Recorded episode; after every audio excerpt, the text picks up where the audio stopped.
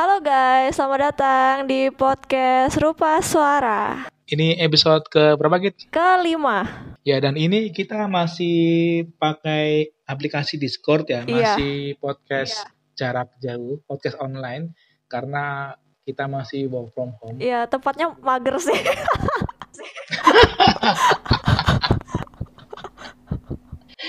Sebenarnya kalau menurutku nggak apa-apa sih kita ketemu, tapi ya agak mager ya. Agak mager soalnya aku lagi ada yang dikerjain juga. Lagi ngerjain apa Git? Eh, Jadi aku selama eh, di rumah aja sambil ngerjain eh, tugas-tugas buat flash sama kayak aku ada kayak mau ngerencanain konten baru di YouTube. Oh kamu mau bikin segmen baru di YouTube-mu? Eh, kan ada game baru nih, game PS4 Final Fantasy 7 Remake. Nah, ter- terus kata, kata Kofian, bo- bos aku, nah katanya Ya. "Eh, kamu bikin konten aja. Ini kan lagi rame. Oh, baiklah. Maksudnya nge-review game itu gitu. Eh, gameplay, gameplay. Oh main, main. Iya. Dan itu keren banget. Jadi gamers dong berarti nih. Iya. Khusus buat ngabisin ini doang. Kerennya gimana? Maksudnya kerennya ini kan dulu kan game PS1.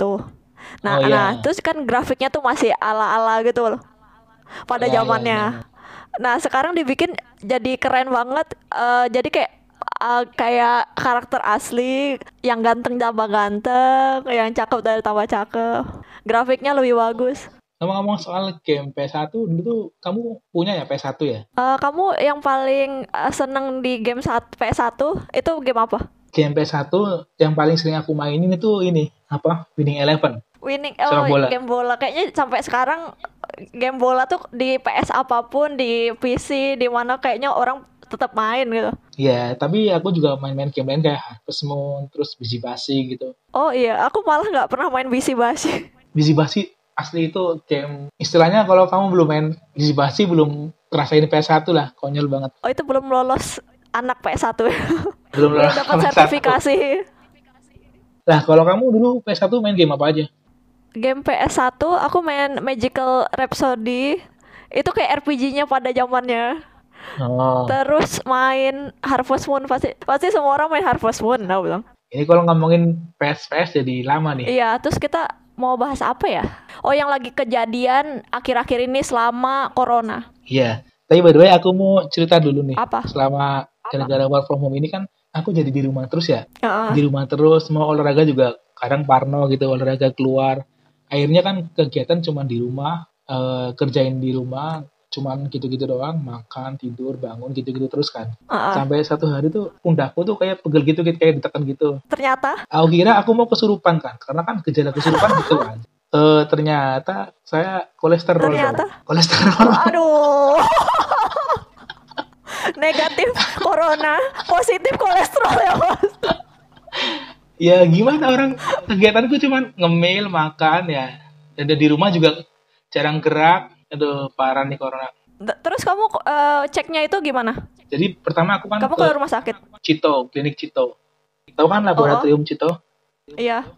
nah aku cek di situ Ya, bayar berapa, Mas? Kalau misalkan cek kolesterol? kalau cek kolesterol itu bayar enam puluh ribu tapi kalau misalnya kamu Oh, atau ya? kamu atau misalnya orang lain kalau misalnya teman-teman yang dengerin ini kalau misalnya mau periksa di Cito gitu ya mau medical check up di Cito kalian datang tanggal 9 atau tanggal 10 karena di tanggal itu dapat diskon 10% Oh. gitu Oke, cek sekarang. Cek. Padahal kita nggak di endorse.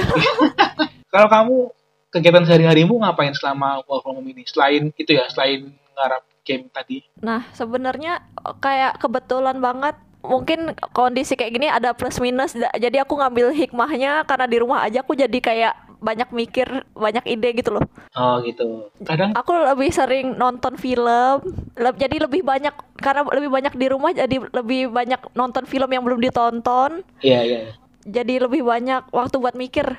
Soalnya kadang eh, ide kreatif itu muncul waktu kita nganggur. Slow sih tepatnya. Iya kan, waktu kita lagi slow nggak nggak terdesak apa-apa, Iya. kan kita bisa mikir hal-hal yang lain. Ngomongin film, kamu nonton film apa aja selama work from home ini? Yang pastinya kayak ngabisin seriesnya Kamen Rider terus film-film nggak semua sih cuman kayak eh, nonton lagi gitu Oh. terus nonton film India mas India. aku buka YouTube ada film India tapi dubbingnya Indonesia Ya, Film apa? Judulnya apa?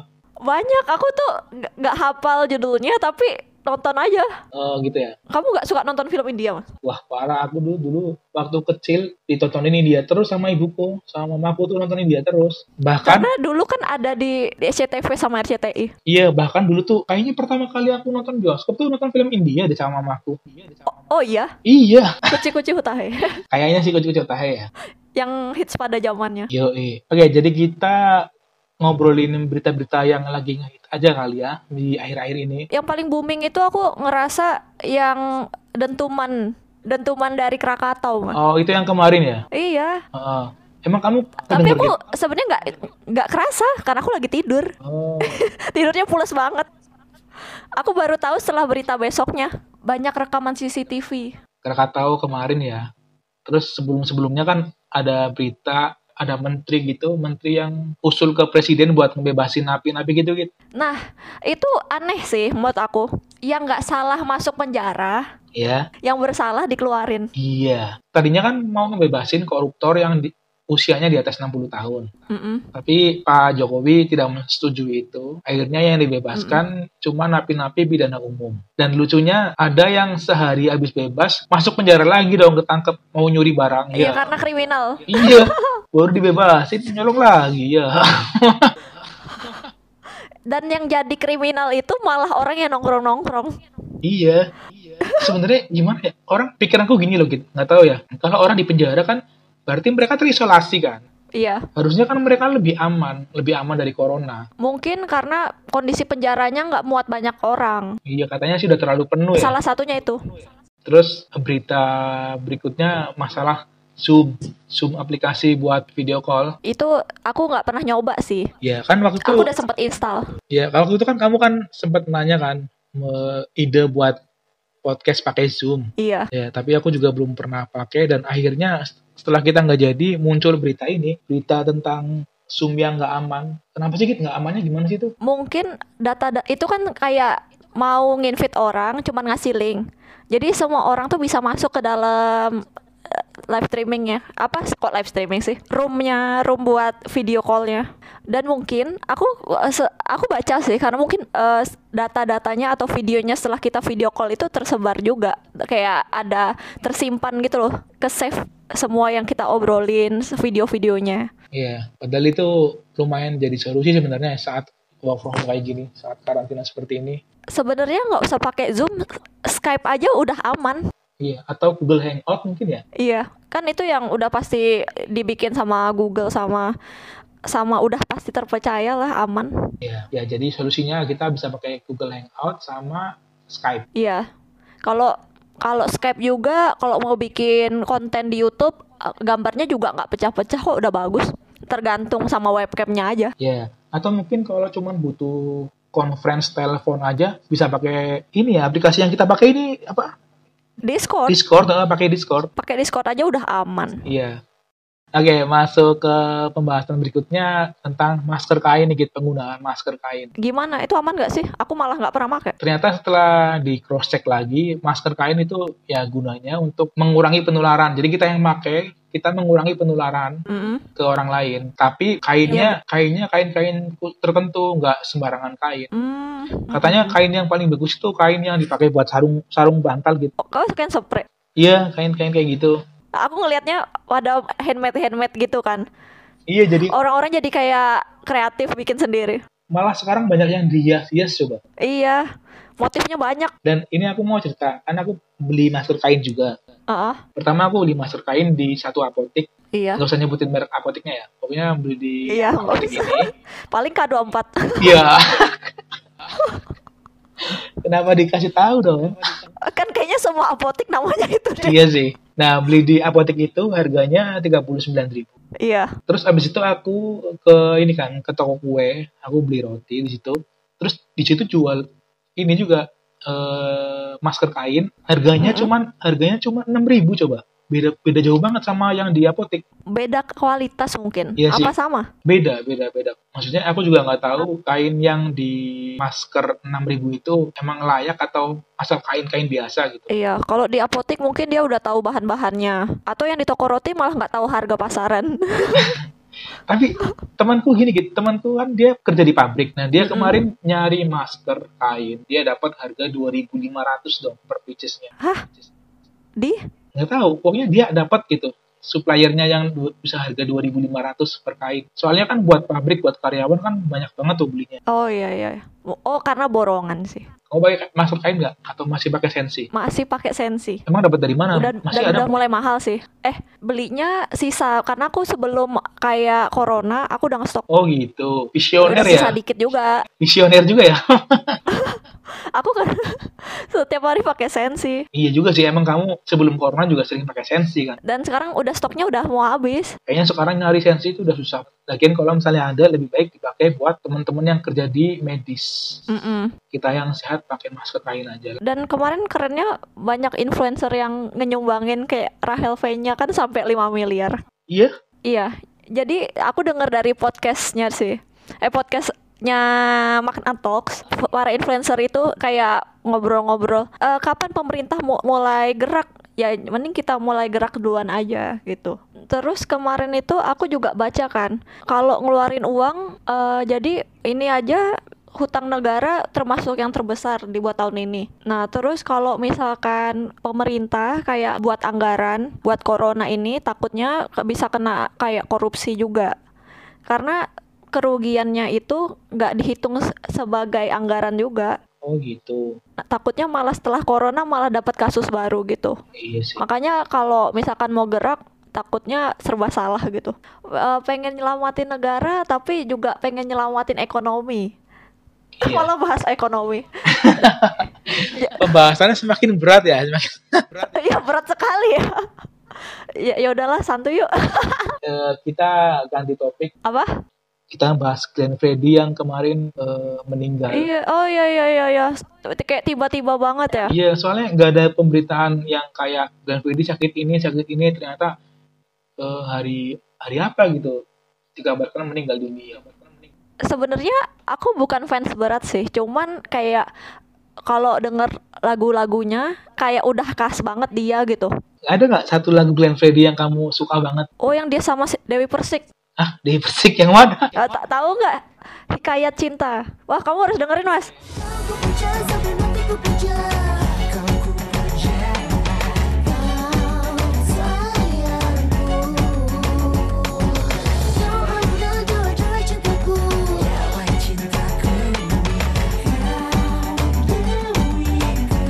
Eh, Soalnya setiap hari biasanya dengerin lagu Glenn Fredly tuh yang kayak melo-melo gitu kan. Terus ada satu lagunya yang dia sama Dewi Persik tuh wow banget. Kayak apa ngebeat banget gitu. Kalau kamu mas? kalau aku lagu Glenn Fredly sebenarnya banyak yang aku suka karena yang sedih-sedih tuh enak-enak banget ya. Tapi ada satu yang lagu terserah. Ya, tapi ada satu lagu yang nempel banget karena satu-satunya lagu Glenn Fredly yang pertama kali aku bisa mainin pakai gitar itu lagu ini, Oh, oh. lagu yang eh, sedita berujung. Yang gimana? Gimana aku aku mungkin pernah denger tapi aku nggak tahu judulnya. Nih, bentar nih, Liriknya gimana? aku puterin ya. Iya baiklah. Ini aku, kau genggam hatiku, simpan di dalam lubuk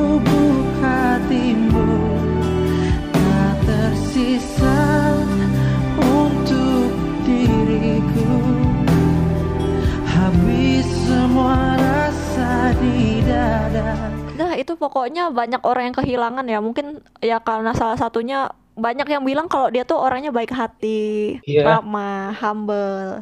Untungnya aku udah pernah nonton konsernya sih. Eh, eh, di mana? Yang di Jogja. Nggak di Prambanan Jazz. Ya di Jogja juga sih hitungannya. Oh iya, kapan itu tahun berapa? Ke Prambanan Jazz tahun 2018, tahun 2019 aku nonton. Kayaknya setiap setiap event-event jazz di Indonesia pasti ada Glenn Fredly tuh kayaknya wajib deh. Kayak icon wajib Glenn Fredly, Tompi, Iya kayak mereka bertiga kan, Tompi, Glenn Fredly, sama si- ah, siapa? Trio Lestari kan? Eh, Iya Theo Lestari. Satunya siapa ya? Siapa? Aku lupa juga namanya. Iya satunya aku lupa. Pokoknya tiga orang tapi satunya aku lupa. Aduh, sebentar. Searching dulu, searching dulu. Trio Lestari. Oh, Sandi Sandoro. Iya, Sandi Sandoro, astaga. Tapi favoritku Tompi sama itu sih Glenn Fredly sih. Sandi Sandoro cuman satu lagu yang aku suka. Yang apa? Yang apa? Tak pernah padam. Iya, kayaknya cuma itu doang gitu ya. Su- suaranya bagus tapi eh, yang terkenal cuman itu doang. Kemudian efek di work from home ini ada hal-hal aneh juga yang terjadi di sosial media. Aku lebih sering lihat orang bikin TikTok deh. Itu apa yang terbang-terbang itu loh, Mas. Oh, iya ya ngerti ngerti ngerti. Terus setelah Aku bikin itu capek. kamu nggak bikin? Aku udah bikin. Kamu udah bikin, astaga. Ta- Tapi cuman tiga lompatan doang udah capek. Eh, kamu nggak pernah Terus aku, olahraga sih. aku lihat, terus aku lihat ada yang bikin terbang, terbang-terbang itu video satu menit, terbang-terbang pakai eh, pelampung, pakai terus sambil gaya terbang. Itu aku akuin niat banget sih. Capek banget itu pasti. Dan itu dia nggak cuman yang kayak orang biasanya kan cuman dari dalam ru- ruangan terus ke teras doang kan. Tapi kalau dia dari komplek yang satu, dia ke komplek temennya lagi. Nah itu niat banget aku liatnya ya. Mantap, olahraga hitung-hitung olahraga. Terus di TikTok juga ada ini dalgona coffee gitu gitu. ih aku nggak tahu ya semua YouTubeku terus semua medsos isinya dalgona coffee Aku sempat mau bikin tapi susah ngedapetin susunya. Harus harus nyari kan, harus beli di kayak Superindo gitu. Bu Debi udah bikin belum ya Bu Debi aku udah saranin Mbak coba bikin ini lagi rame. Katanya malah nggak mau. Bu Debi tuh bukan tipe orang yang eh, mau nggarap sesuatu yang emang lagi rame gitu. Kayaknya dia males ngikutin tren. ngikutin. Oh. Buat teman-teman yang belum tahu Bu Debi tuh, Bu Debi tuh konten kreator di YouTube. cooking. Ya Terus setelah Dalgona Coffee, aku lihat di Instagram itu banyak yang bikin video call halu. Tau nggak sih video call halu? apa sih yang sama artis Korea itu? Enggak, jadi kayak misalnya di Instagramnya Aurelie, Instagramnya Ah. Panji, dia kan bikin video. Dan nanti ala ala video call gitu ya? Ala video call, tapi nanti dia cuma ngejawab-jawab doang. Nanti kita yang nanya-nanya atau kita yang ngejawab gitu ganti-gantian. aku malah nggak tahu itu Ya itu buat lucu-lucuan aja sih. Kalau teman-teman mau cek, bisa cek di Instagramnya Mbak Aurelie. Aurelie. Iya, terus setelah Aurelie, terus Panji Pragiwaksono juga selama work from home ini, dia bikin live gitu setiap malam, setiap hari bikin live dari jam 8 malam Mm-mm. sampai selesainya dia. iya Itu nama segmen live-nya tuh Oh. Lila. bahas apa dia Lila itu artinya lucu ya lucu aja. Jadi tuh dia Instagram live, nanti dia nge-live bareng sama followernya.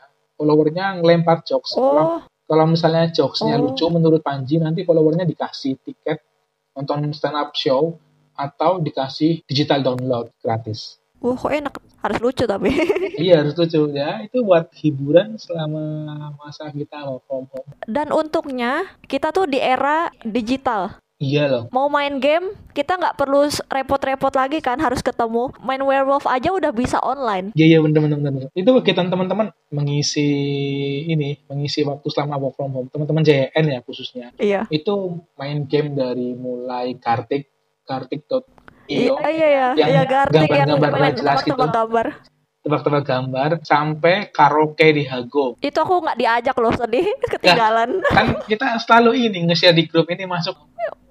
Iya terus aku udah ketinggalan aja. Ya besok bukannya udah telat. Sebenarnya mau ngusulin main werewolf terus mau dibikin konten buat CN tapi kayaknya susah. Ka- karena apa ya? Sinyal ya sinyal bukan orangnya tuh nggak pada antusias untuk ayo main werewolf mungkin karena kayak lagi corona gini males mikir mas sumpah. Kalau kayak uh, mengkonsumsi konten-konten yang agak mikir tuh kayak males gitu loh. Tahu nggak sih yang bikin malas mikir tuh karena kita tuh udah terlalu lama diem di rumah jadi tuh otak Iya. itu kayak beku gitu loh gitu Sa- salah satunya mungkin kita kehabisan buat mikir yang lain. Giliran dikasih konten yang buat mikir jadi kayak aduh berat banget jadi kayak selama work from home itu mending kayak konten yang lucu-lucu komedi iya benar hiburan lah gitu ya kan. Kal- Kalau Hago sama Gartik itu sebenarnya kayak game-game ringan yang masih bisa di- dikonsumsi, masih bisa Iya. dinikmatin. kayak Raditya Dika kemarin bikin video tentang Gartik Oh, pertama kali memang aku kenal tahu Gartik tuh dari Raditya Dika. Oh, ya terus selain Lila juga kayak Ernest Prakasa bikin video Instagram apa? TV ya, IGTV Instagram IGTV.